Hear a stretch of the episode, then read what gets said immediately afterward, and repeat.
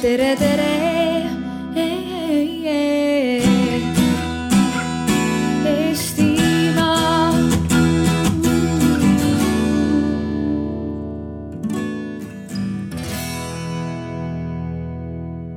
Tere kõigile.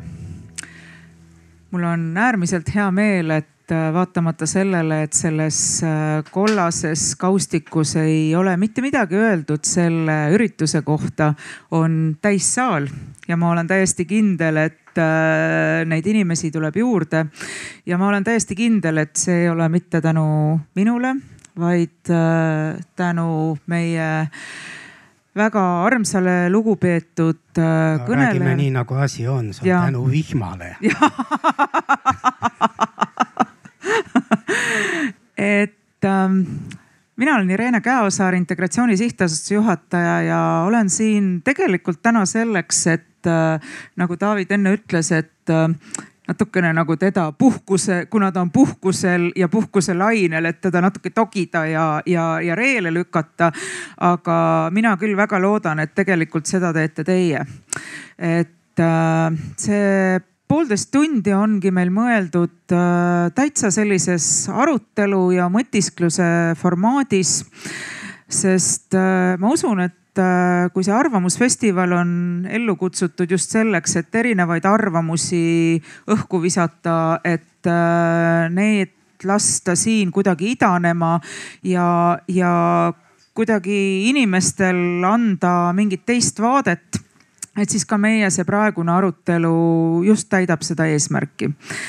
ma arvan, et äh, Davidit tegelikult ei ole vaja tutvustada, aga võib-olla ma ütlen ainult kaks lauset ja kui midagi väga olulist, mida ma ei ütle, et et siis te ise lisate. ehk siis äh, kunstiakadeemia professor ja äh, inimene, kes meie kõigi jaoks ilmselt on kehastunud äh, nii läbi raadiolainete kui, kui igasuguste muude lainete ajaloo edastajaks, jutustajaks. minu jaoks võib-olla ajaloo ja tänapäeva üheks parimaks sidujaks, et kuidas õppida ajaloost. Ja, ja minu enda jaoks hinges tegelikult võib-olla kõige olulisem on see, et äh, kui ma kuulan teie loenguid, jutustusi, siis ma kuulen ja tajun selles sügavat lugupidamist selle ajaloo vastu, mis iganes ajalugu see ei ole ja samas sealjuures sellist kriitilist, kriitilise sõbra pilku ehk siis kaks ühes, ühest küljest äh, armastus selle kultuuri, ajaloo, keele ja kõige muu vastu, teisest küljest hästi tark vaade kõrvalt, et äh, mis siis ikkagi on olnud need asjad, mis oleks võinud võib-olla teisiti minna või mis ei oleks. lisate midagi enda kohta? No Või ma nüüd juba liiga palju rääkisin? ei, ei vastupidi, see sissejuhatus oleks võinud olla tunduvalt palju lühem sest nii meeldivat sissejuhatust on ju kuidagi hea kuulda. mul on mitu stsenaariumi alguseks. kõigepealt see ei ole stsenaarium, see on sissejuhatus stsenaariumile, aitäh teile. teine väike sissejuhatav lause on järgmine.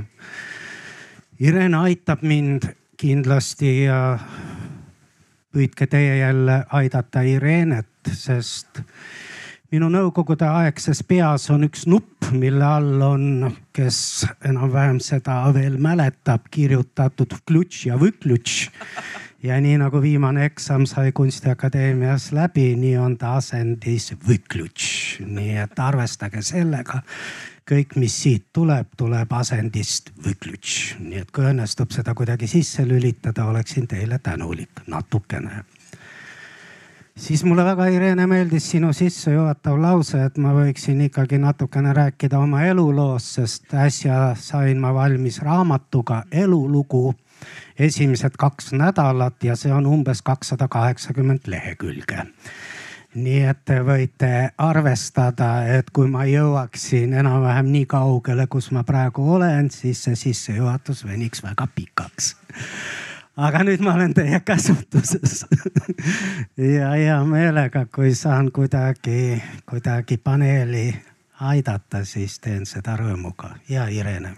nii, kas on kohe mõni küsimus?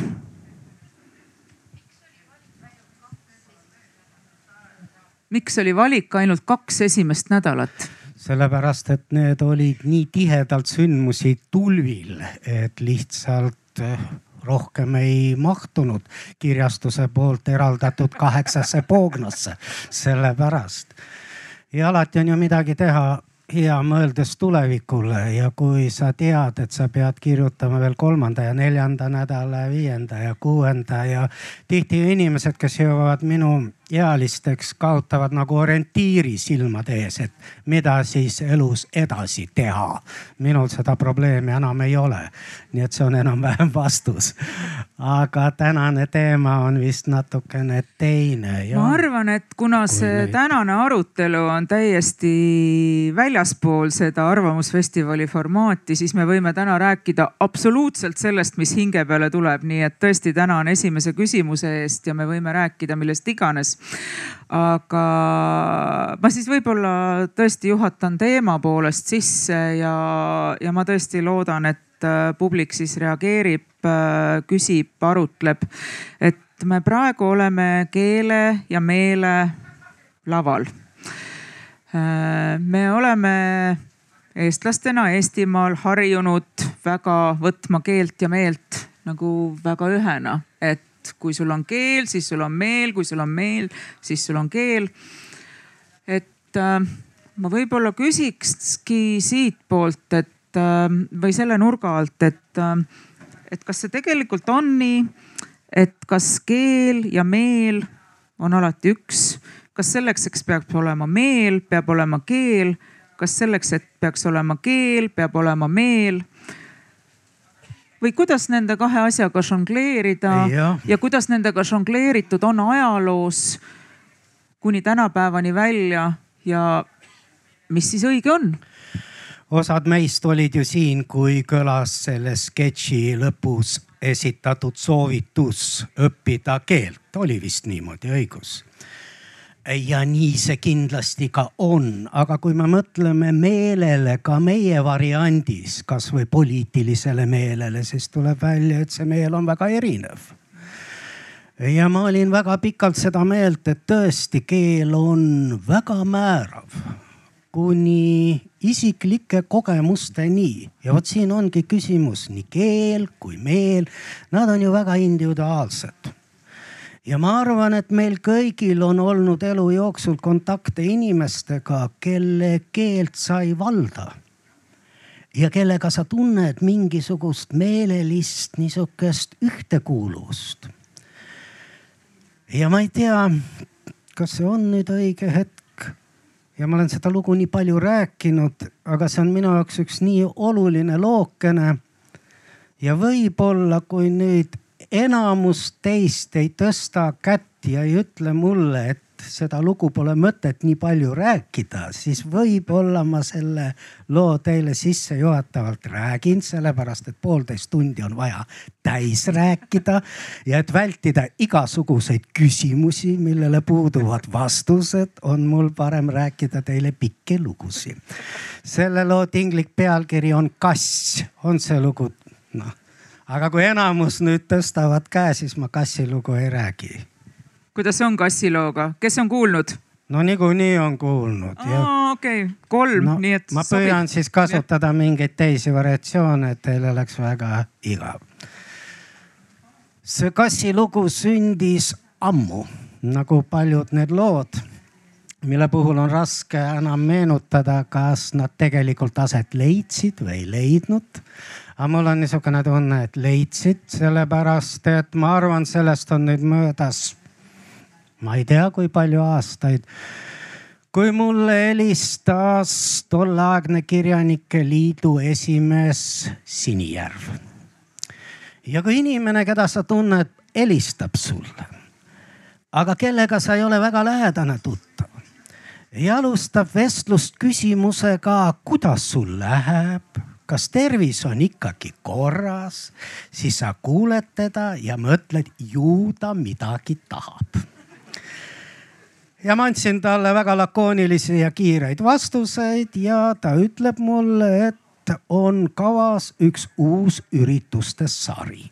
me hakkame Kirjanike Liidus läbi viima selliseid üritusi kus kirjanikud ja kirjandusega seotud inimesed on saalis, nii et te olete kõik kirjanikud. ja tuleb keegi, kes otseselt pole kirjandusega seotud ja hakkab rääkima oma meelisraamatust. ta räägib ja räägib ja mina mõtlen, see on ju fantastiline üritus kujutage ette, te olete kõik arstid ja kutsute mind rääkima meditsiinist, see on ju poolteist tundi naudingut, on ju nii, jah ja ma mõtlesin, no hea küll, tuttavaid on päris palju, et mul ei ole ju raske pakkuda inimestele natukene head meelt, et ma räägin siis mõnest raamatust. ja ta ütleb mulle, et kuule, David, et mis raamat see võiks olla? mina küsin tema käest, et no oota natuke, et elus on ikka mõned raamatud loetud, et las ma mõtlen. ei, ei et meil on kokkulepe lavakatega, et nemad valmistavad siis sealt tükikesed ette, et kontrast oleks veel ilmsem, õigus, mina räägin siis sellest raamatust ja näitlejad loevad siis seal neid tükikesi.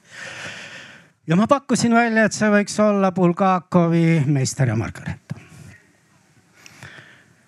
ja tol ajal mu ema on nüüd juba lahkunud umbes seitse aastat tagasi ja ema oli väga haige, ta oli voodis. tal olid väga tugevad tasakaaluhäired, nii et käia ta ei saanud. lugeda ka praktiliselt ei saanud, aga ta oli kõikide asjadega kursis, valdavalt tänu raadiole ja mina ja minu lapsed käisime siis iga päev vahetustega, aitasime teda. ja ükskord, kui mina läksin tema juurde ja see oli ainus kord, kus mul oli kiusatus emale midagi öelda. nagu täitsa kihvatas. ta vaatas mulle otsa oma lühinägelike silmadega ja ütles, David, sa oled ka vanaks jäänud ja ma vaevalt suutsin ennast vaos hoida, et mitte öelda talle sina ka. suutsin siis ennast talitseda ja ta ütleb mulle, et sa peaksid perearsti juures ära käima. noh, ema sõna oli minu jaoks püha. käisin ära, ta teadis täpselt, mis päeval ma käisin perearsti juures. tulin sellel päeval või järgmisel päeval tema juurde, ta ei unustanud kunagi mitte midagi tol päeval ei küsi mitte midagi. räägib Savisaarest, räägib Ameerika poliitikast, räägib muudest asjadest. tagantjärele ma võin teile öelda, ta uinutas minu tähelepanu ja siis küsib ootamatult. aga palju siis kolesterool ka oli ja mina naiivsena ütlen talle mingi numbri, mis mulle ei öelnud mitte midagi. ema ütleb, palju on, palju on ja ta oskas mulle läheneda nii osavalt, sa oled ju intelligentne inimene. kas sa ei suuda ennast talitseda, teades minu magusase lembelisust? kas sa ei suuda piirduda õhtul ühe kommiga? ja mina ütlesin emale jah ma võtan ennast kokku, ma suudan küll. ja tol samal päeval, tol samal päeval ja kui ma läksin turule, aga ma käin väga sageli keskturul. see oli see päev, kui mul õhtul oli siis seal Kirjanike Liidus see sõnavõtt või see esinemine. kohtasin ma paari inimest, kes läksid minust mööda. ja ma ei oleks pööranud, kui nüüd see järgnev lugu poleks aset leidnud neile erilist tähelepanu. Nad olid tõenäoliselt välismaalased ja turul käisin ma sellepärast. nüüd tänu jumalale on Kunstiakadeemia Balti jaama lähistel, nii et ma käin sealt ka vahetevahel ostmas Ukraina, Poola komme. Need on väga head, eriti need Poola omad, kus on ploomid šokolaadis. ja lähen siis sinna turule ja avastan seal Vene kommid kolmsada kolmkümmend grammi kõik, jah. hommikul ema helistab, üks komm. loomulikult üks komm ja vot sellel päeval, sellel päeval mul on alati väga suured kotid, hakkan seda oma kotti sinna panema, te olete kõik turul näinud neid lette, õigus, neid kommipoode ja otsin silmadega oma neid suure ja vaatan sinna alla ja tõesti, ma ei ole seda mitte kunagi varem ega hiljem näinud. Seal tol päeval, kui ma pidin minema Kirjanike Liitu rääkima Bulgakovi meistrist ja Margaretast, lõsutas, ma pean nüüd mikrofoni suu eest ära võtma. must kass, nisuke must kass, Bulgakovi must kass. ja et ma kohtusin nende inimestega, meie pilgud kohtusid ja polnud mitte mingisugust kahtlust, et nende jaoks oli see ka Bulgakovi kass vot see on need keel ja meel, me ei vahetanud nendega mitte ühtegi sõna, mitte ühtegi. ja möödas on üle kümne aasta ja ma räägin teile seda lugu, seda lugu, seda sõnatut lugu, mis baseerub vot sellel ühel meelelisel elamusel, mida me mõlemad saime, olles lugenud siis seda Bulgakovi teost. näide lihtsalt sellest keelest ja meelest kui palju on meil inimesi, kellega me räägime ühte keelt ja ei saa aru, mida nad räägivad. õigus. ja vastupidiseid näiteid, noh, võime ju ka tuua. ja miks ma, miks ma natuke olen selles hakanud kahtlema mitte nüüd selles, mitte soovis omandada, see on erakordselt oluline, ma arvan, see kogemus võib-olla on ka väga paljudel meist.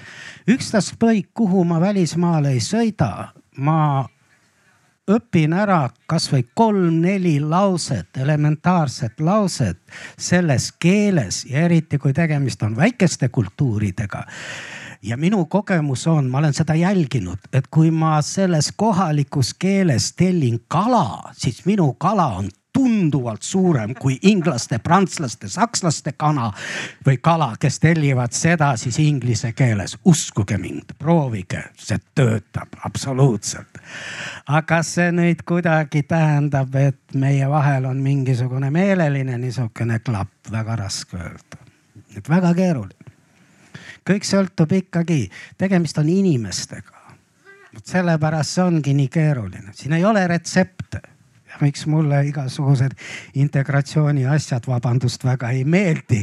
sellepärast et, et no mis see on ja miks vot meie klapime nii hästi ja miks mõnikord keegi kellegiga ei klapi, kuidas seda teha? no vot niisugune pikk, pikk vastus küsimusele, mida ei olnud jah või oli? ei, küsimus oli, aga küsimus oli midagi muud, nii et seda, see, aga, aga see on väga-väga kõik sobib, et see äh, nagu ema uinutav, see jutuajamine, et see, te olete selle hästi pärinud. et äh, ma arvan, et äh, jah, et kui me nagu selles kontekstis mõtleme ka nüüd siia Eesti kultuuri konteksti ja, ja selle meie meele ja keele, kõik, kõikide nende väljendite peale, äh, mida me ju kasutame igapäevaselt ja millest saame aru mõnes mõttes ainult meie, kes oleme selles kultuuri kontekstis. et, et selleks peab ikkagi lugema ja olema selles kontekstis, ehk siis peab ikkagi olema mingisugune keel jah, aga milline see võtad? keel on, võtame ühe niisuguse näite ja tuletame meelde, kuna ma sain tutvustatud ajaloolasena siis mõned näited ju minevikust. et võtame aasta tuhat üheksasada nelikümmend. jah, meile nii tuttav aasta ajaloost miskeelsete inimestega mehitati kõik Nõukogude asutused valdavalt, õigus. mis keelt Vares Barbarus rääkis, jah ja nii edasi ja nii edasi. tähendab, tuleb välja, et teatud situatsioonis tekkisid inimesed, kes tegid oma meelsusele klõps, jah.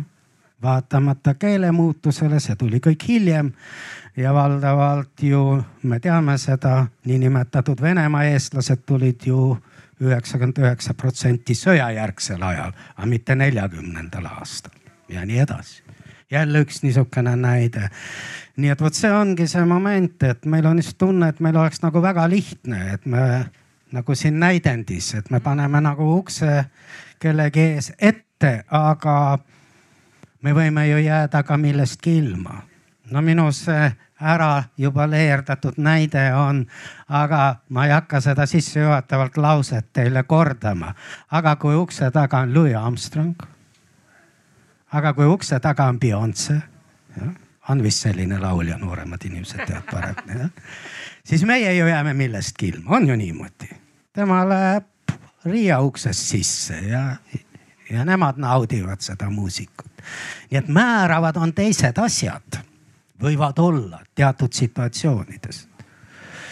nii et jah, ma olen absoluutselt selle poolt, et valikuid tuleb teha. me ju kõik teeme valikuid, kellega me tahame suhelda, kellega me suhtleme olude sunnil, kellega me suhtleme hea meelega me sageli käime tööl ja ei kutsu neid inimesi endale külla ja kutsume hoopis teisi inimesi külla ja räägime me kõigiga nendega ühte ja sama keelt, aga me teeme neid valikuid ja me lähtume millestki muust.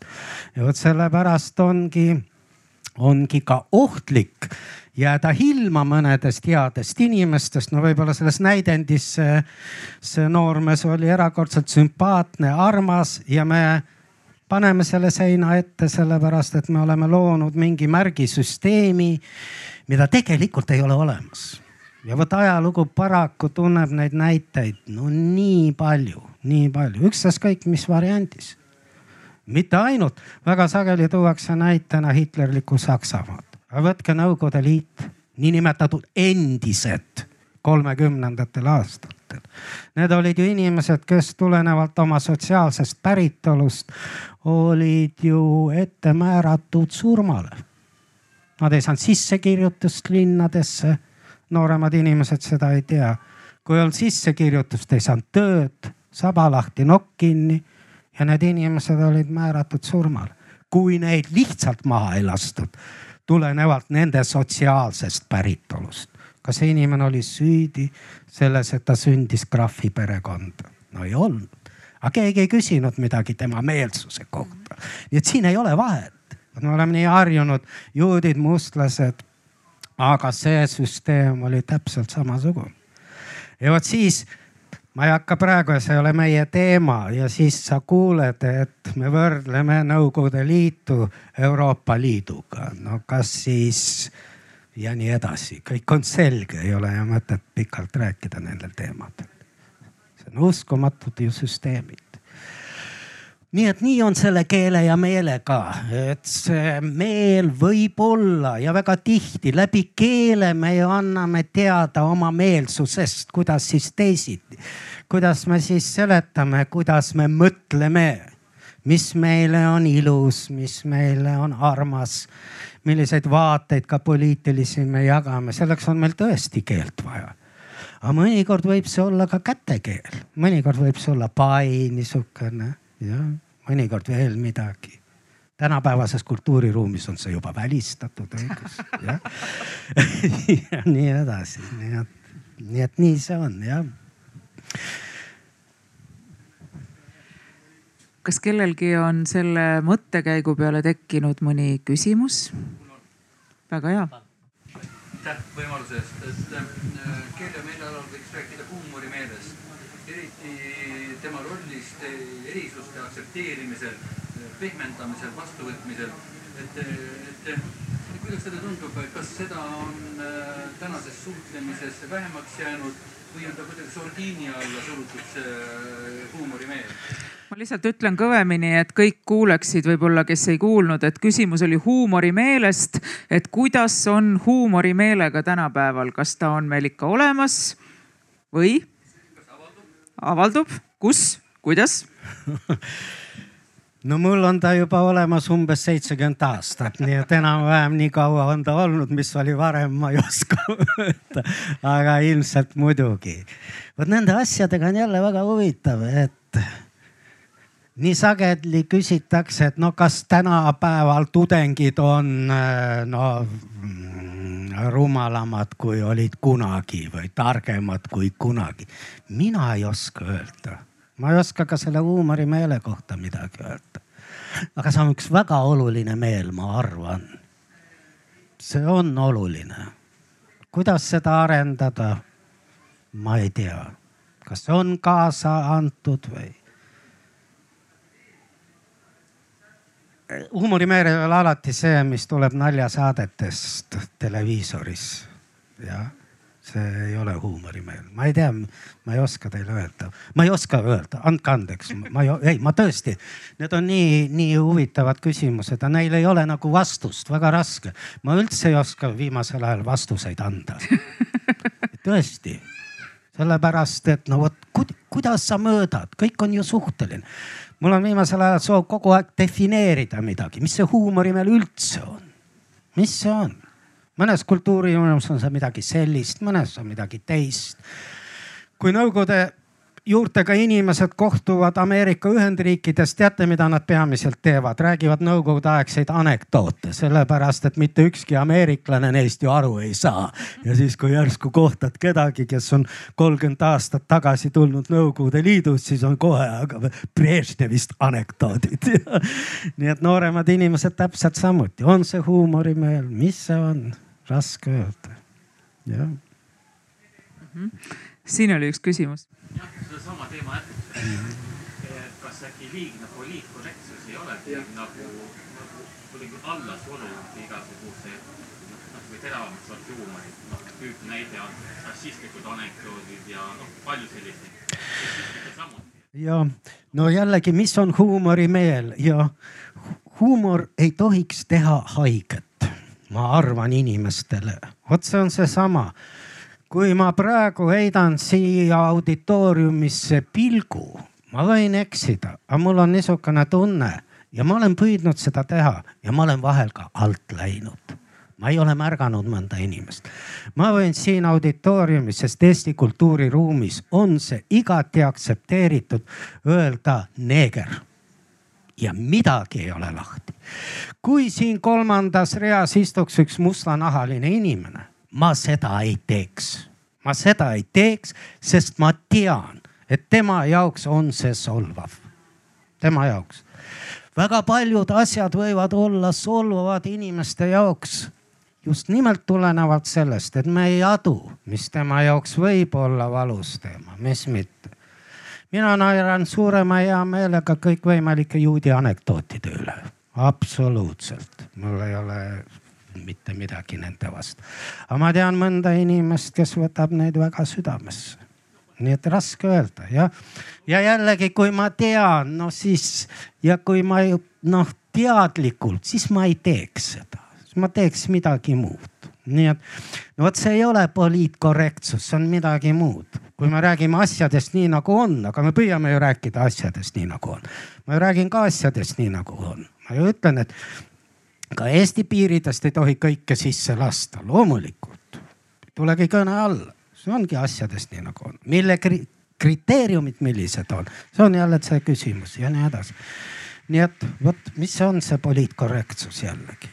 minu meelest ei ole olemas niisugust asja nagu poliitkorrektsus, on inimlik korrektsus, normaalne korrektsus, no mida ei tasuks jah, või tasuks silmas pidada no kui keegi on invaliid, siis ei hakka rääkima anekdoote.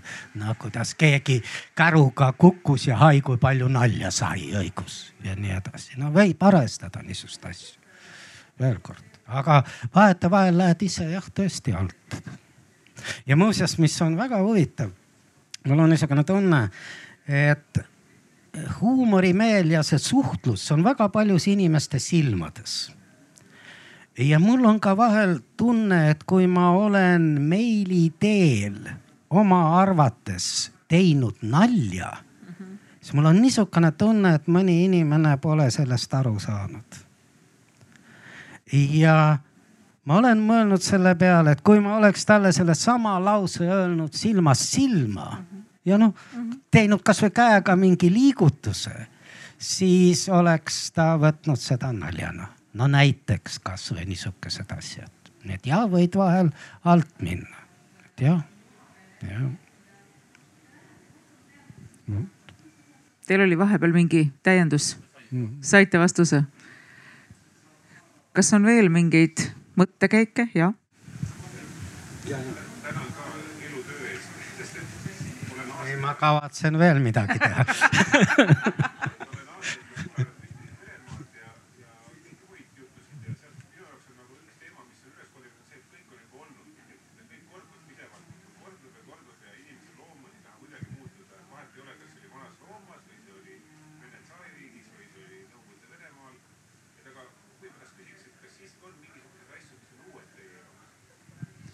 ma võib-olla äkki kordan mikrofoni lihtsalt üle, et küsimus oli selles, et, äh, et äh, David Vseviov on rääkinud äh, sellest, kuidas erinevatel ajaloolistel perioodidel justkui kõik kordub, et kas siiski on midagi uut? ja, ja on ja üks näide ju oli, ta on pisike, aga väga oluline inimsuhetes, õigus suhted, mis ei eelda üksteise nägemist, on hoopis teistmoodi suhted, kui nad olid tolleaegsed suhted, kus me suhtlesime üksteisega silmast silma. kindlasti. ja suheti ka kirjadel, jah, aga isegi ei kohtutud kunagi ja ka kirjadel kohtumine on midagi muud. me väga tihti üksikud kirjad, mis jõuavad veel käsitsi kirjutatuna minuna. esimene pilk on ju käekirjale, millest sa nagu teed ja kui on õrn käekiri, siis mõtled, et järsku see on mõni noorem austaja, kes neid saateid kuuleb ja avad siis selle kirja ja reeglina on alati sügavas eas pensionär nende käekirjad muutuvad üsna sarnasteks millegipärast ei tea. aga miks mind ajalugu on huvitanud? Näiteks ma otsin ju vahel küsitakse, et mis periood sulle pakub huvi või nii edasi. mind huvitavad just nimelt inimesed ja inimesed olevikus ja kui ma tahan mõista näiteks, mis Eestis toimub. mis asi on võim, mida inimesed teevad selle nimel, et võimul püsida. väga aktuaalne teema tänapäeval, jah Eesti kontekstis, et keegi ja võim, ärme kedagi nimeta ja ärme nimeta ka võimu seda posti, aga põhimõtteliselt. See võib olla ka asutus, see ei oma mingisugust tähtsust. siis ma otsin ajaloost vot selle perioodi või selle regiooni, kus ma näen võimu kõige ehedamal kujul.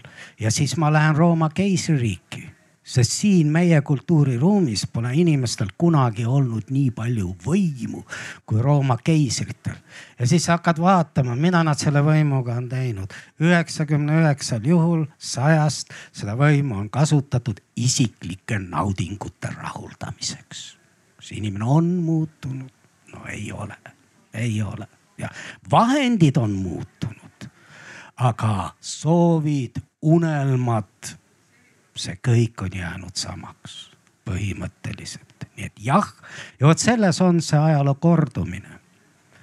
just nimelt selles samas, me unustame, me unistame. ja mis on praeguse situatsiooni võib-olla niisugune, niisugune murranguline hetk, vähemalt Euroopa kontekstis hakkab kaduma põlvkond, kes tundis sõjalõhna kui tinglikult ja lihtsustatult seda öelda. hakkab, see, see hakkab muutuma jälle mänguks. ja ongi pildid, kui me vaatame, istub arvuti taga kuueaastane poisike lühikestes pükstes, ekraan on ta ees, ta vajutab nupukesi ja pš-pš, majad kaovad ära. möödub kakskümmend aastat, püksid on läinud pikemaks ja ta toimib täpselt samuti nagu kakskümmend aastat tagasi aga mida see endaga kaasa toob, kuidas see lõhnab, mida see tähendab? ja ma toon teile veel ühe näite. ma olen seda vahetevahel siin ja seal rääkinud. aasta kaks tuhat seitse on meil kõik meeles, aprill, jah, on õigus, Aljoša, jah. ja oli üks veteraanide organisatsioon, kes leidis, et tuleb ületada see vastuolu, normaalsed inimesed ja püüda kuidagi kahte poolt, nimetan siis tinglikult kahte poolt lepitada. ja mul paluti selle ürituse juures viibida või nagu kuidagi modereerida või seal olla. nii et veteranid ühelt poolt ja veteranid teiselt poolt. Ja kuskilt seitsme minuti pärast muutus see olukord täiesti kontrollimatuks. ühed väitsid, me näitasime teile ja teised ja nii edasi. ja ma olin siis tunduvalt noorem ja ma ei teadnud enam, mida teha, mida teha. ja järsku ma taipasin ja ma küsisin nende käest, mida te tahate tulevikust, mida te tahate oma lastelastele? Kas te tahate, et teie lastelastest saaksid võitjad? siis te ei lepi kunagi omavahel kokku. või te tahate, et see ei korduks? vot siis, kui te tahate, et see ei korduks, rääkige, mis seal kaevikutes toimus ma olin väga tige siis. rääkige, kuidas teie sõbrad seal mädanesid kuidas nende jalad lendasid küljest ära. ja need pildid on täiesti ühesugused mõlemal poolel. Ja kui te tahate, et see ei korduks, siis sellest rääkige. ja vot see on nüüd see, mida on Euroopa läbi teinud ja mida Venemaa pole ju teinud, õigus. Venemaa räägib tänase päevani võidust, jah. ja siis ei saagi olla leppimist kui on üks pool võitja, siis on teine kaotaja, see ei ole ju võrdne positsioon selle asemel, et mõtiskleda, et seda rohkem ei juhtuks. seda saab koos teha, aga teisiti seda ei saa. Nii et vot see on see olukord ja situatsioon ja, ja, ja ma ei mäleta, mis seal, no vot niimoodi.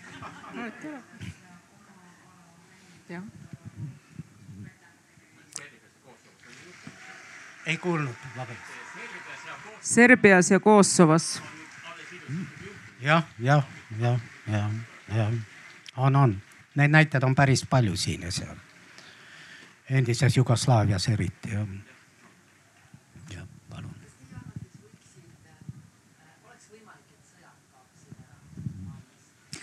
Küsimus jälle, et, et lihtsalt sinna taha ka kostaks, eks ju, et kas oleks võimalik, et sõjad kaoksid maailmast ära no miskit, mida on olnud nii palju, aga neid ei ole vist keegi suutnud kokku lugeda.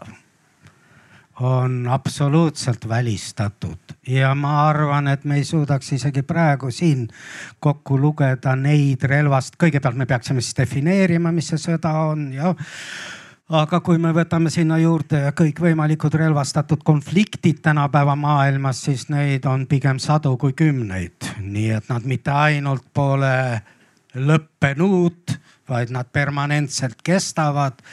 Ja meil on väga raske leida ajajärke, kus me midagi sellist no lähiminevikus või ka kaugemas minevikus saaksime näidata. jah, on olemas küllaltki suured alad, mis on olnud ühe võimu all, Rooma impeerium, Nõukogude impeerium ja nii edasi. Neid näiteid on ka teisi, mis mingis mõttes suruvad midagi maha ja ma olen ka Nõukogude impeeriumi näitel toonud, ei sõdinud ju Aserbaidžaan ja Armeenia sisuliselt omavahel Nõukogude ajal. Jah, sest see üks võim surus vot need pürgimused maha, nii nagu see kadus konfliktid. Ja neid konflikte ju Nõukogude, endise Nõukogude Liidu aladel ju ka teisi, Ukrainas ja nii edasi jah.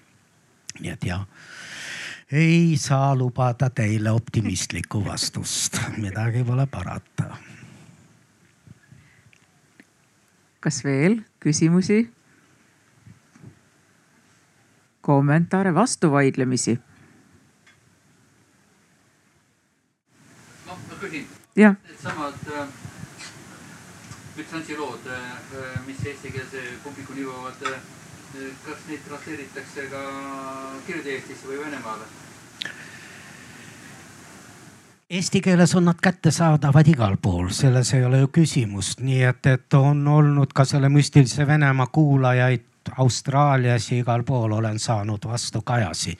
nii et no venekeelne publik, kes eesti keelt mõistab, võib neid kuulata, aga tõlkida neid ei ole vist mõtet kunagi oli ettepanek Soome Ülesraadio pakkus, et nad võib-olla tõlgiksid ja see oli niisugune eelläbirääkimiste variant ja no sellel pole mingit mõtet, üks kogemus on olemas.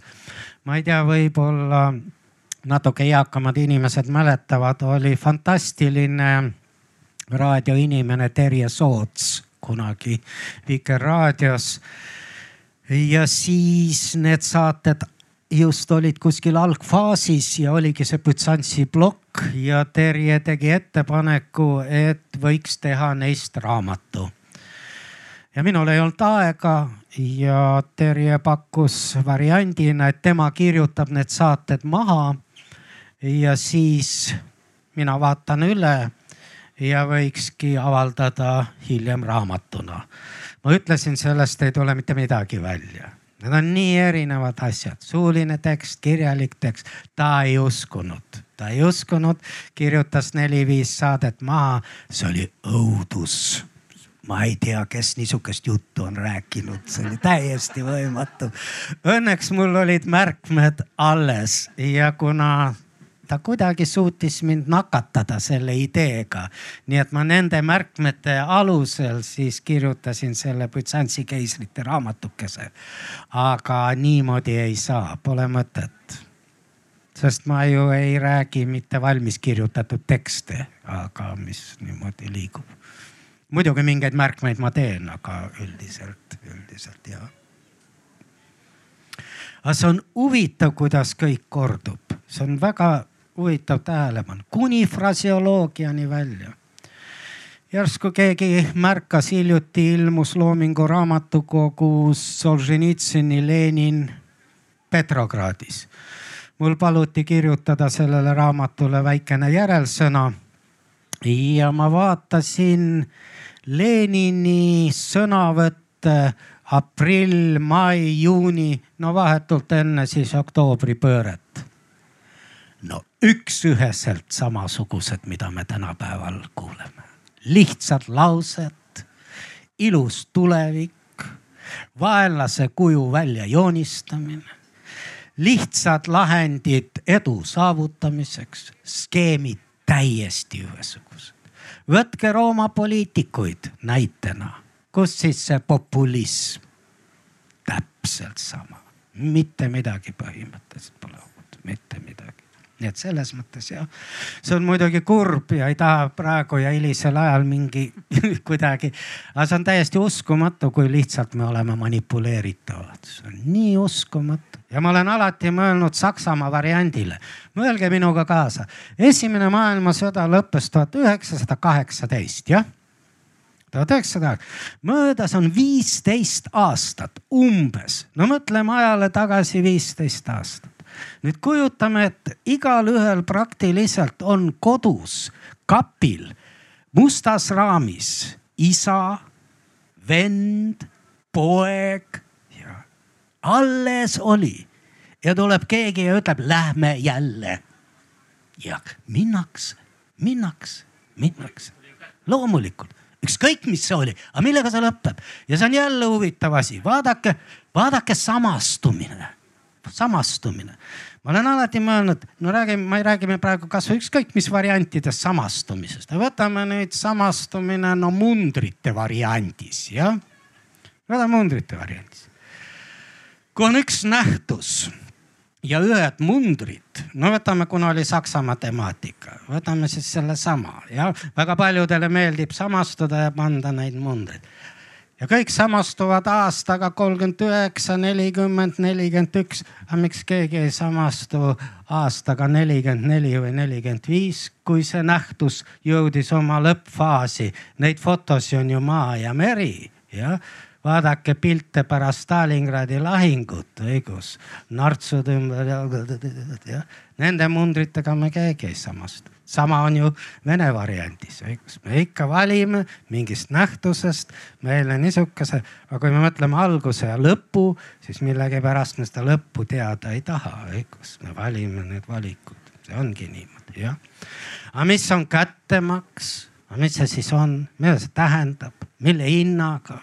ja see on sama nagu siin vahetevahel. Ja Vene uues ajalookirjanduses on ju üks uus termin, mis puudutab Stalini aega. Stalin oli geniaalne mänedžer ja vahetevahel me kuuleme ka seda juttu, et see demokraatia, parlamentarism, see jutustamine, et see ei vii mitte kuskile ja vene variandis efektiivne mänedžer. see efektiivne mänedžer magas maha Saksamaa kallale tungi Nõukogude Liidule. jah, nii efektiivne nii, aga millega me mõõdame seda efektiivsust? kas me mõõdame, siin olid ka need, et ehitatud teedega, jah, siin räägiti, et jah, Venemaa variandis siis ehitatud tehastega. kui palju tehaseid Stalini ajal ehitati või inimeludega, jah see Stalini geniaalsus, puikpäine geniaalsus, et ta kavaldab Hitleri üle. selle maksid kakskümmend miljonit inimest oma eludega kinni, jah, geniaalne mänedžer, no näitena. nii et nii on need asjad paraku ohvrid oleme ju meie, õigus, nemad ihuvad kättemaksudele, neil on ideed, nemad laiendavad territooriumi, nemad räägivad iidsetest aladest, mis kuulusid neile, ma ei tea, millal. Krimm seal tuhandeid aastaid tagasi pole kunagi Venemaa koosseisus ju ajalooliselt olnud ja nii edasi, nii et nii see on, jah. küsimus, seesama äh, korduv primitiivne retoorika, äh, mis äh, masse kaasa haarab. selleks, et see, et see retoorika töötaks, on vaja teatavat primitiivsust. ja kas võib olla, et kooliharidus ongi niimoodi sätitult korraldatud, et liiga harituks ei saaks inimesed, siis see primitiivsus ei tööta no raske öelda, see on ju meile omane, kui me vaatame ka keskaegset inimest või inimest läbi ajaloo. me ju kogu aeg, me tahame uskuda millegisse, me tahame ju uskuda, et keegi teab. me oleme ju alati uskunud, kas libahunti või see on lihtsad siletused on meile inimlikult ja üldiselt me oleme bioloogiliselt karjaviisilised elukad. me ju järgneme kellelegi meil on, meis istub see bioloogiliselt vot see soov järgneda. Ja hea on ju järgneda mitte lollile, vaid targale. Ja siis me hakkamegi seda kujundama ja hakkamegi uskuma ja meil on kuidagi lihtsam. ma olen mõelnud, ma ei tea, kas te olete kuidagi selles suunas või miks peab üldse selles suunas mõtlema, on omaette küsimus, aga näiteks Põhja-Korea variant vot kujutaks näiteks ette, et me elaksime seal või no ma, ma, ma ei tea, kas see on, kas niimoodi saab. ja kas ei ole, mis siis inimestega toimub, kas on, kas on võimalik nii elada, et sa nagu kodus räägid ühte juttu ja siis ka kogu aeg arvestad, et telefon kuulab sind pealt, mobiil kuulab sind pealt, lamp kuulab sind pealt, stepsel kuulab sind pealt ja sa ei saa rääkida neid jutte. või ja kogu aeg teeselda siis jah, või lihtsam variant inimlikult on uskuda, et ongi niimoodi. ja ma arvan, et väga paljud inimesed teevadki selle vari-, selle valiku jah, sest nõukogude ajal ja selles oma välja mõeldud raamatus on ju ka, nad uskusidki niimoodi, nad uskusid nendesse sotsialistlikesse võitlustesse ja nii edasi, nii edasi, nii edasi. see on kuidagi meile omane. nii et ma ei tea, kas siin on, kas siin on, ongi otseselt kuidagi selle haridussüsteemiga ja õpetamisega ja teadlikkusega, aga kuidagi jah, on, midagi siin on, midagi meis sellist istub jah teisena annan sulle. Kirstil oli seal küsimus. tere veel kord. sellist küsimust, millega meie seal hübriidkeskuses nagu tegeleme, et mis on äh, demokraatia tulevik ja mis on tuleviku demokraatia, mis tegelikult on see, millele juba viidati äh,. võttes arvesse, et inimese pea ja mõju on see relvastus, millele ka hetkel rünnatakse kõige rohkem. Cambridge Analytica teeb mõjutab valimisi ja saab sellise tulemuse, mida ta tahab ja tahab. Ja ta just osutab selle oma demagoogia sellele ebakindlale hääletajatele, kes põhineb, kes põhjendab oma otsuse ma Väga- lihtsalt üt-, ma vabandust, David, ma lihtsalt ütlen selle ühe ja, ja, ja kõige tähtsama küsimuse nagu mikrofoni üle, et äh, mis on demokraatia tulevik ja mis on tuleviku demokraatia, oli küsimus natuke laiendusega, aga ma laiendust ei, ma annan tema, Davidile sõna kui alustada selle niinimetatud huumorimeelega, siis minu väljapääs seisneb alati sellest, et ma ütlen, et ma olen ajaloolane ja minu pilk on suunatud minevikku. ja tulevikust mul pole muidugi mingisugust aimu, nii et vale inimene. Igor Mangi pole ma siin näinud, aga tema teab tulevikku ja proua Paukson ja teised väljapaistvad inimesed. aga nali naljaks ja, ja andke andeks selle lollitamise eest aga tulevik on prognoosimatu ja minu meelest on ta või miks ta on prognoosimatu? väga paljudest aspektidest lähtuvalt. ma tooksin ainult ühe näite. hullust on ju alati eksisteerinud, alati. aga mida see on tähendanud sajandeid tagasi? keegi võtab nuia ja virutab selle nuiaga kellelegi vastu pead. kurb lugu, õnnetus, inimkond elab selle üle tänapäevane hullus võib viia nupuvajutuseni. mis sellele järgneb, me ei tea, me ei tea, me ei tea, täiesti prognoosimatu. kuna me oleme üldiselt hirmutatud, aga see on veel üks teema, mind ajaloos huvitab kaks teemat või peamiselt, üks on võim ja teine on hirm kuidas tekib hirm. kui lihtsalt inimesed nakatuvad hirmu. hirm on nagu epideemia. ja vot sageli on niisugune tunne, kui me vaatame kõiki neid Stalini, Caligulaid, Nerosid, teisi, et nemad hirmutavad ja mida allapoole, seda rohkem kardetakse. tegelikult on vastupidi nemad on epitsentris, nad on täielikult nakatunud. Stalin kardab paaniliselt kõike. hirm on üks peamine teda noh käivituv mootor, hirm. meid on nii lihtne hirmutada ükskõik millega, ükskõik millega alates kliimast, pagulastest ja nii edasi, nii edasi, nii edasi. ja nii nagu me oleme nakatunud aga nakatununa tahame te terveks saada, nii pakutakse meile ravimit. ja me võtame selle ravimi vastu, meeleldi võtame selle ravimi vastu, jah. lahendame selle probleemi, ma ei hakka neid näiteid tooma, õigus. me kuuleme neid iga päev, iga päev. Erinevate inimeste suust.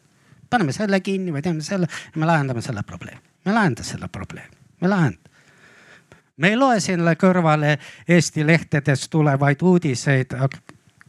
mis külas see oli? Kuk-, kuk-, no siinsamas, kus üks noor poiss koos majaga kükita, jah, jah, õigus. või Viljandi taksojuht, jah. on tal sellest kergem või, et meie omad ta maha lõid? ei ole ju aga meile pakutakse lahendit näiteks ja nii edasi. ja vot siis on väga lihtne meiega manipuleerida. ja see on juba oht demokraatiale, sest demokraatia on mõtlevad inimesed, kes ei ole nakatunud hirmu ja ma olen vaadanud üks minu niisuguseid lemmiktegelasi just nimelt selle hirmu mõistlemiseks, seda ma olen näitena ka toonud, on Aleksandra Kollontai.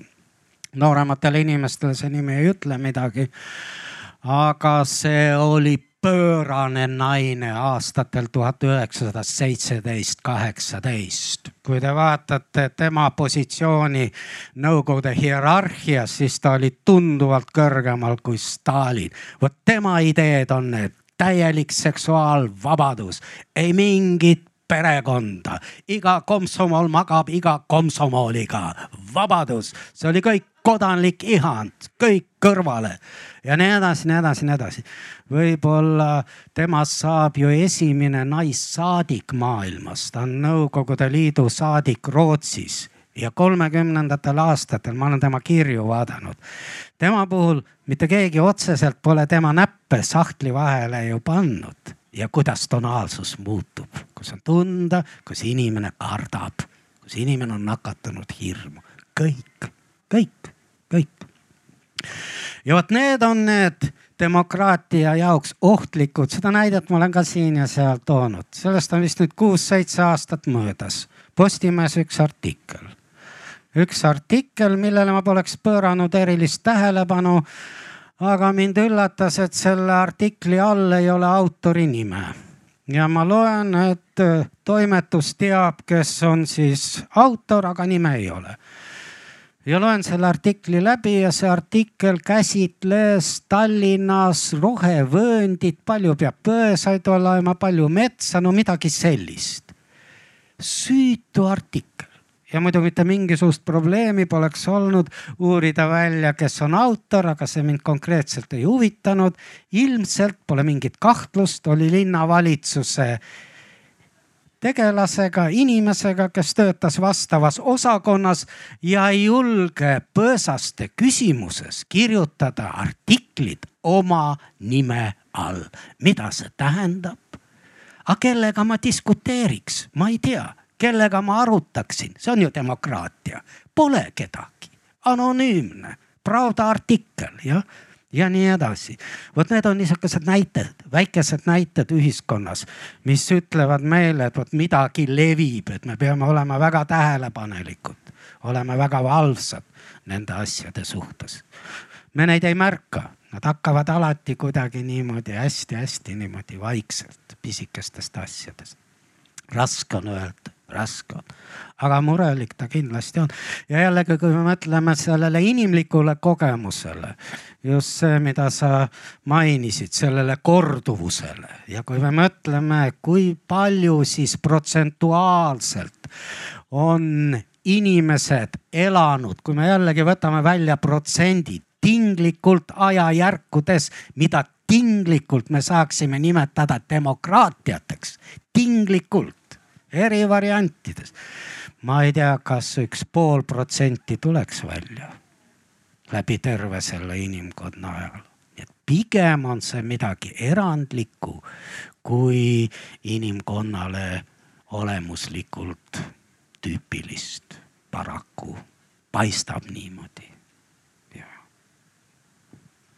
nii et hoiame seda, mis on erandlik tahtsite midagi mainida? jah, ma tegelikult tahtsin enne siitsamast eh, poliittehnoloogiate ja Cambridge analüütika juurest küsida, et, et keelte ja meelte konstrueerimise kohta, et meil on noh, Cambridge analüütika näide meele konstrueerimisest, meil on ka keele konstrueerimisest näiteid eh, just nimelt mingi identiteediloome eesmärgil, noh, ma ei tea, Moldova näide, kus rumeenia keelest sai järsku moldova keel või serbo-horvaadi keel ja nii edasi. et aga nüüd selle tehnoloogilise kiire arenguga meil on seda, et tehnoloogia abil meelsust konstrueeritakse. Neid näiteid on palju, aga tegelikult äh, äh, ka keele mõist-, ka keeles, äh, keelega saab tehnoloogia üha paremini hakkama. et needsamad pistikud ja kuulavad kõlarid, et see ei ole nüüd ainult enam autoritaarsete ühiskondade probleem, vaid see on ka meie kõigi praegune probleem, kus kodus olevad nutikõlarid, Alexad mõistavad ja seda mõistavad meie, meie äh, jutte, aga see, mida selle peale hakatakse, seda me ei tea. aga küsimus on siin, et nad mõistavad, aga nad ei mõista eesti keelt tehnoloogia saab praegu väga hästi hakkama inglise keelega, on ju tehtud katseid, kus inimesed ei suuda tuvastada, kas on tehisintellekti poolt kirjutatud ingliskeelne luuletus või siis äh, elava äh, hingava poeedi poolt kirjutatud. ja, ja siis, aga eesti keelel on siin praegu väga suur eelis. et, et, et tehnoloogia sellega hakkama, et seda võib pidada siis eeliseks või, et tahtsin küsida, kas ühe väikese keele ja meele suhe millegi poolest erineb ühe suure keele ja meele suhtes? Või kas see keele väiksus või suurus mängib siin mingit rolli? ma lihtsalt ütlen jälle kõvasti üle, et äh, väga hea küsimus pika sissejuhatusega, aga kas ühe väikese keele ja meele staatus või suhe erineb millegi poolest ühe suure keele ja meele staatusest? ma arvan, et kindlasti juba ainuüksi sellepärast, et selle keele ja meele kandjad langevad ju peaaegu sajaprotsendiliselt kokku. jah, on väike protsent neid, kes valdavad keelt ja on kuskilt meeleliselt tinglikult, see on kõik tinglikult pärit teisest ruumist ja võib-olla kuidagi geneetiliselt kannavad nagu teist meelsust. aga neid on ikka suhteliselt vähe. kui me võtame nüüd inglise keele valdajaid, siis üle maailma see meelsus, see pilt, aktsendid, globish ja nii edasi, neid on ju tohutult. nii et siin on aga mis puudutab nüüd seda keelt ja meelsust, veel üks niisugune näide, ma olen seda ju ka nii palju kordi toonud, et. ma ei tea, miks ma sellest räägin aga andke andeks, ma ütlesin, et see on suvine pea see telefon äratab mind viimasel ajal öösel kell kolm, sest ta on otsustanud, et ma pean ärkama kell kolm. ma ei tea, miks, vot ma ei suutnud sellepärast keskenduda vastusele, et see tuli mul meelde praegu. vot see on see, see tehnika. tahtsin ta aknast välja visata, veerand neli kui ta, kui ta ei rahunenud mitte kuidagi maha aga võtame selle keele ja jällegi need teemad, kultuur ja ohud keelele. no kõige suurem oht eesti keelele ei seisne mitte nendes üksikutes inimestest, kes siia tulevad ja keelt ei oska, vaid selles, mis toimub meie kõrgkoolides. ma olen sellest nii palju rääkinud ja öelge mulle, kas Brüssel määrab ette seda, et iga aasta magistrikursuste arv ingliskeelset suureneb ja varsti neid eestikeelseid ei ole. ja ma küsin teie käest, et kui doktoriõpe on meil ainult ingliskeelne, milleks meil on magistriõpet vaja eestikeelset? ja kui meil magistriõpe on ingliskeelne, milleks meil on vaja keskharidust eestikeelset? Neid üleskutseid on ju siin kostnud aga see on keel ja meel ja see on omavahel seotud ja ma olen seda näidet ka korduvalt toonud. vot ma ütlen teile, kas mu männid ja te saate aru, millest ma räägin. no tõlkige mulle see mõnesse teises keelde, no, no ei ole, ei ole, no kui inimene ei ole juhuslikult kohalikku päritolu, no ei ole, vot see ongi see, see seos. ja kui me selle ära kaotame, siis pole ju mitte millelgi mingit mõtet.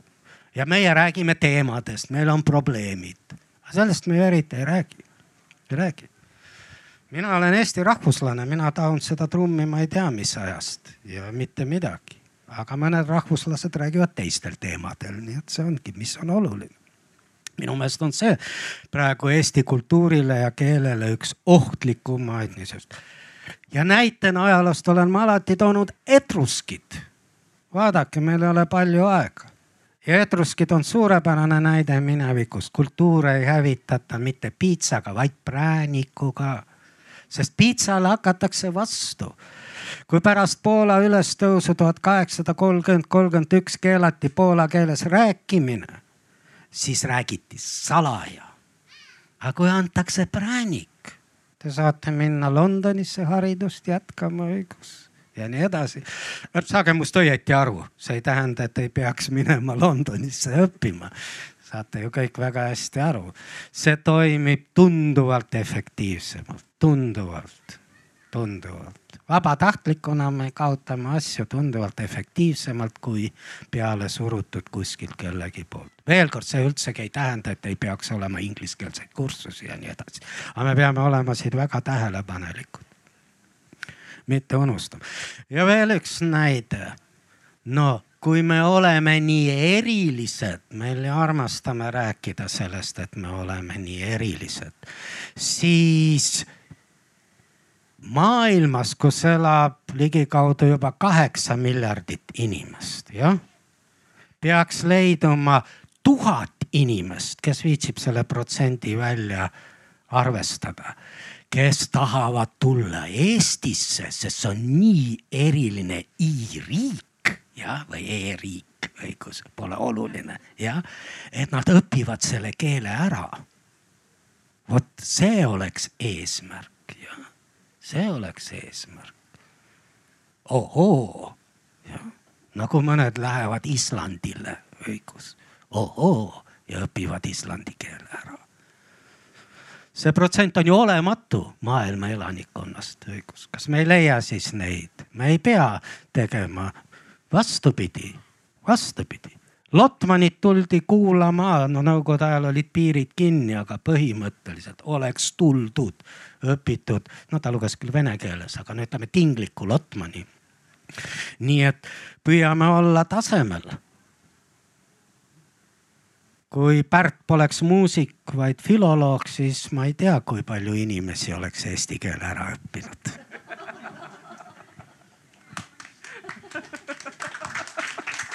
aitäh, no nii, see üks tsitaat. ärge Pärdile öelge, me oleme temaga päris head tuttavad. vot see ongi, kui ma seda ütleks talle silmast silma. aga kui keegi teist ütleb midagi sellist, et Seevev ütles, et mis see sinu muusika, ole parem filoloog aga see on ju ka natuke see kultuuritaust, eks ju, et meie kõik teame, kes on Pärt ja, ja see, et kui Pärt oleks filoloog ja, ja meil juba läheb, eks ju. kas on veel küsimusi, mõtteid? mul viimane. ja palun, võib-olla ka eelviimane, meil on veel kakskümmend viis minutit. Te teate seda Baskini loetud följetoni kunstisaalis, kunstisaalis? tean, tean. tean, tean jah. kujutame ette, et see prototüüp elab täna meie keskel. mis te arvate, kas ta järgmistel Riigikogu valimistel pääseks äh, Riigikokku? Ma arvan enam mitte. üheksakümnendate algusest vist pääseks, jah, vist mitte. piiri peal, ütleme niimoodi. ta peaks midagi nagu lisaks veel tegema. aga ma ei tea, mida.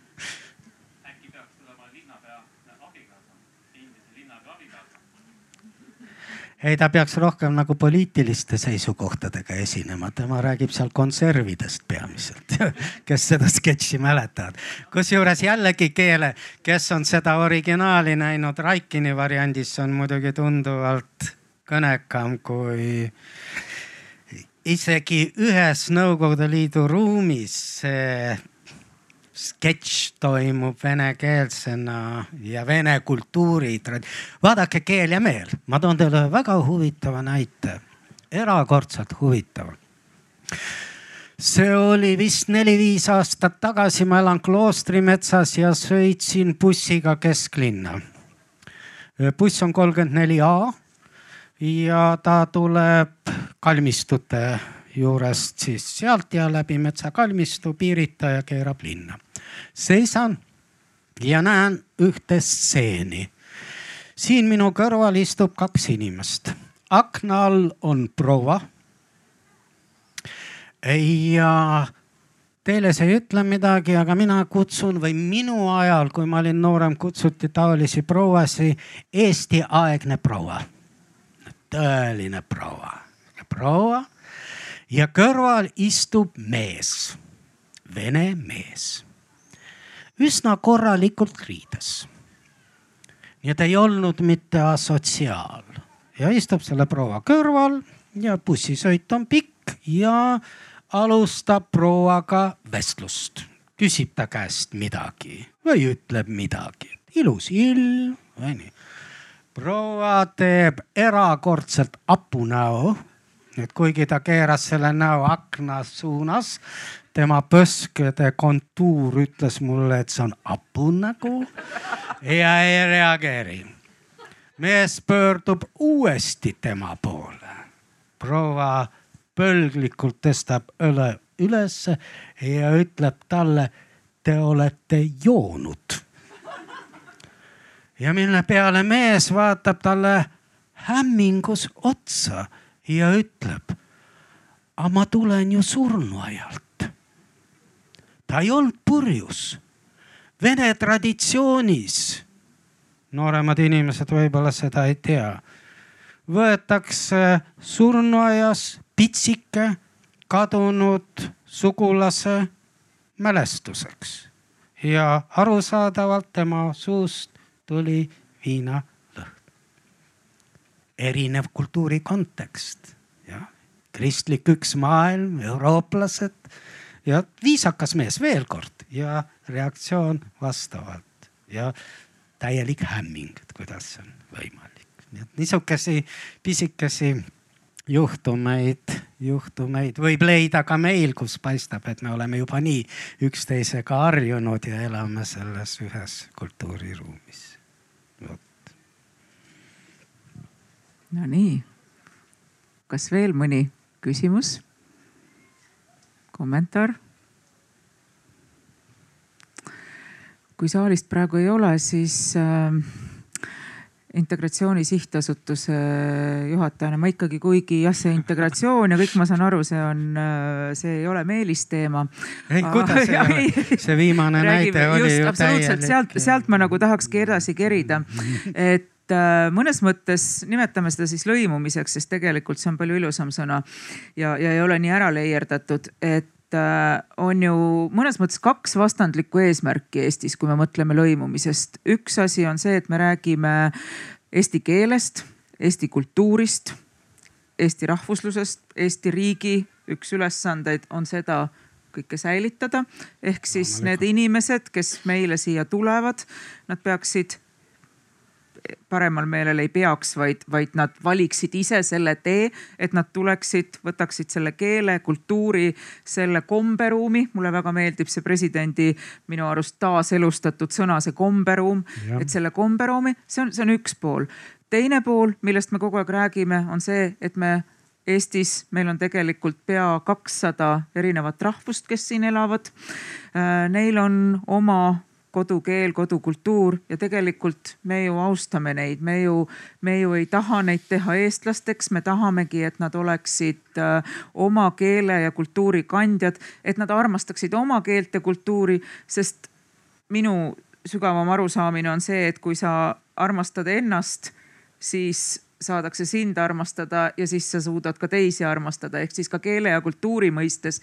et kui sa armastad oma keelt ja kultuuri, siis sa suudad ka teisi, et kuhu poole siis lõimumise teravik suunata, kas selle Eesti või selle mitmekeelsuse kultuursuse minu arvates see teravik tuleb suunata sealtpoolt väljapoole. ilma igasuguse naljata, sellepärast et need sfäärid, kus me tegutseme, neid on ju lõputult, need on lõputult. ja me ei pea püüdma leidma neile kõigile ühed ja samad nišid ma võin tegeleda millegiga privaatselt ka ise kui selle rahva või kultuuri või ma ei tea, kuidas esindaja. ja ongi tore, aga selle kõrval on kümneid, sadu muid asju, millega ma tegelen koos mina korjan marke, teie korjate marke, teie olete kohalik usbek ja korjate marke ja teie olete kreeklane ja korjate marke ja me teiega vahetame marke. Teiega me räägime moest, sest mood pakub teile huvi ja mulle huvi. Teiega me mängime jalgpalli. Teiega me teeme ma ei tea mida, teeme filme ükstaskõik mida ja nii edasi. kellegiga me võib-olla armastame, no ei ole oluline ei ole, häda ongi selles, et me püüame nagu ühe asja välja tuua ja siis hakata neid kokku suruma. Neid ei ole vaja kokku suruda. tuleb otsida vot seda maailma, seda niivõrd kirevat maailma, mis pakub meile inimlikult huvi ja tegutseda selles maailmas. ja sest nii nagu vot nii nagu me räägime, nii me ka nagu eraldame, sest kui me tahame liita, siis me eelnevalt peame ju eraldama, on ju niimoodi. Ja seda pole üldse vaja. Pole absoluutselt sellega pole vaja tegeleda, on vaja tegeleda kõikide muude asjadega. vot arutada kasvõi no tänapäeval on tõesti see aktuaalne teema ja siin inimesed käisid plakatitega ringi, kliima. see puudutab ju meid kõiki, absoluutselt. Ma võin ju kodus palvetada viis korda päevas näoga Mekka suunas, no ja, ja küll sellega tegelen mina. jah, ülejäänud aega ma mõtisklen ja arutlen teiega koos, kuidas siis, no ma ei tea, kliimamuutused võiksid või tuhanded teemad kunst, kirjandus, no ükstaskõik mis, see on loendamatu. ja vot kuidagi me peame leidma vot neid asju, pakkuma neid välja, pakkuma, no see on jälle ära leierdatud näide, seesama jalgpall, no ikka jah. Inimesed mängivad omavahel jalgpalli, nad tahavad võita ükskõik mis meeskonda. Isegi Luksemburgi oleks hea ju võita ja nagu me, aga noh, see käib ka üle jõu aga noh, see on nende jaoks teema, millega nad seal siis kodus tegelevad natukene ja oma kultuuri ja nii edasi. nii et see, need on need asjad, millele tuleks keskenduda, kõikidele muudele asjadele et kuidas in-, vot üldse, mis on kõige olulisem, on see, et inimestel oleks huvi, huvid, huvid, huvid, huvid, huvid, huvid, huvid. kui me leiame nendele lastele huvid, siis selles grupis, kes nad seal on, see ei oma mitte mingisugust tähelepanu ja see on juba natuke kodu ülesanne ja, ja tõesti, no kui see on venekeelne kodu ja inimene valdab vene keelt, suurepärane, lugegu Dostojevskit vene keeles. On ju parem kui tõlkes lugeda, see on talle suur pluss, et ta saab seda teha, jah ja see on ju näide, see väike näide, mida ma ju tõin, et kui ma sõidan välismaale, ma õpin need kolm lauset ära. no mina kujutan ette, et kui mina koliksin Lätti või mõni inimene kolib Eestisse, siis ma tahaksin ju, ma tõin teile näite, et saada suurema kalatüki ja ma ju õpiksin selle eesti keele ära. mul oleks ju siis huvitavam. ma tahan ju näha, miks ma käin näitustel, miks ma loen raamatuid, ma tahan ju elada seda, mul oleks ju siis huvitavam nii et selles mõttes ju see sulandumine on ju mitte kellegi teiste huvides. niisugune tunne, nagu see oleks meie eestlaste huvides jah. ei, see peaks olema nende inimeste huvides, kes tahavad siin Eesti riigis ennast tunda hästi, saada aru, mis toimub, osaleda poliitilises elus. loomulikult see kõik peab meil eesti keeles olema, kus siis veel? ei ole ju teist kohta maailmas nii et minu meelest on see nii, aga, aga, aga noh, on nagu on. mõni küsimus veel? kommentaar? kuulge, küsige veel midagi, teiega Küsige, on nii tore olla, ma pean Tallinnasse sõitma, see on nii tüütu. sul on veel? mitte küsimus, aga kommentaar sellest, et integratsioon ei saa olla niimoodi, et mina olen siin ja sina tule mulle lähemale Äh, Ranna Pungerjärv oli avatud talude päev. mina mängisin seal vinüülimuusikat oma grammofoniga ja siis sisenes sinna kaks venekeelset abielupaari Tallinnas. Nad olid hästi uuedad, nad ei saanud aru, kas nad on oodatud Eesti külapeole. tulid olid väga väiksed seal. aga ma sain aru, et nad on venelased ja siis ma panin oma grammofoni peale äh, vene äh, plaadi Sekret. ja see see oli nende jaoks nagu mingi sõnum või, või eh, kuni selle looni ei tantsitud ja siis nemad tulid eh, laudadelt välja muru peale ja hakkasid tantsima ja siis läks peoks. aga noh, nemad said aru, et, eh, et need võeti vastu no see ongi, need on väiksed asjad, see ongi inimlikkus, need on väga lihtsad asjad, see on väga lihtsad asjad. see on inimlikkus, jah. millega mina tegelen eksamite ajal esimesed viis minutit tudengitega, mitte küsimuste esitamisega, vaid inimliku suhte loomisega. selle peale läheb mõnikord kümme minutit. kas on mõtet seda pastakat lõhkuda? Teil läheb seda ju elus veel vaja. ja kirjaklambrit pole mõtet katki teha võib-olla keegi tahab teilt laenata ja nii edasi ja nii edasi. ja siis vaatad ja noh, me ju ajame ühist asja. jah, nii ongi. oleme ise sõbralikud ja siis, ai, need on nii triviaalsed laused las nad on. no teeme viimane küsimus, hea kolleeg tahtis midagi küsida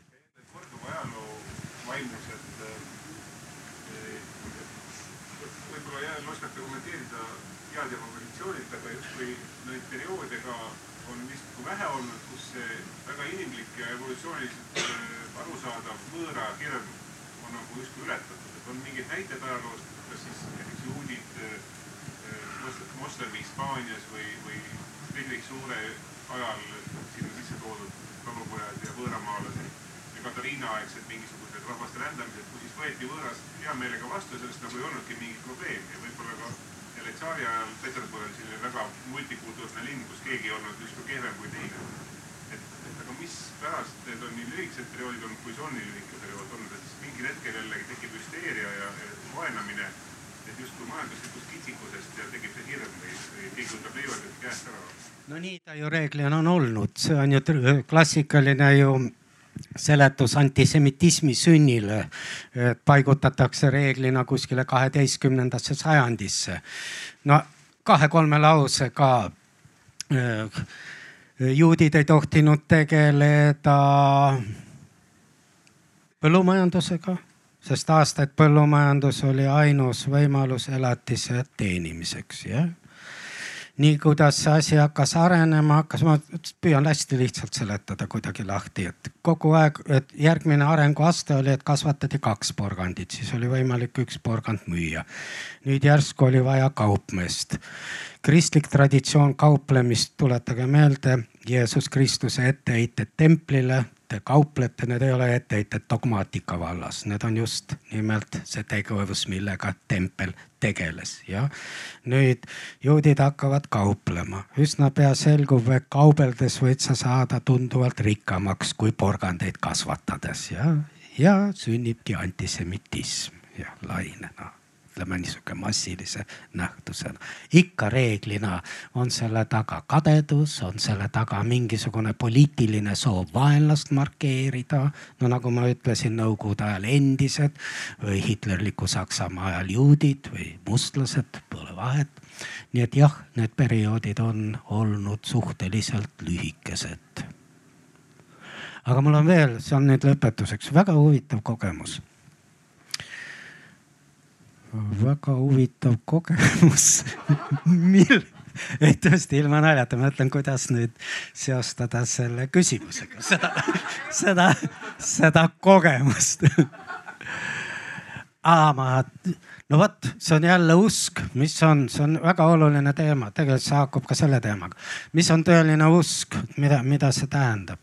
ei, tegelikult see ei sobi. hea küll, kuulge aitäh teile aitäh, aitäh, aitäh, aitäh, aitäh, aitäh, aitäh, aitäh, aitäh, aitäh.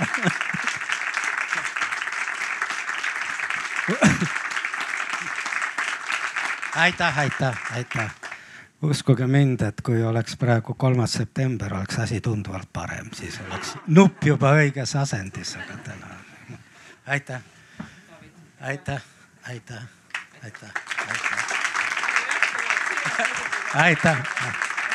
isegi pärast seda, mida ma integratsiooni kohta ütlesin aitäh teile, oli väga tore, aitäh, aitäh.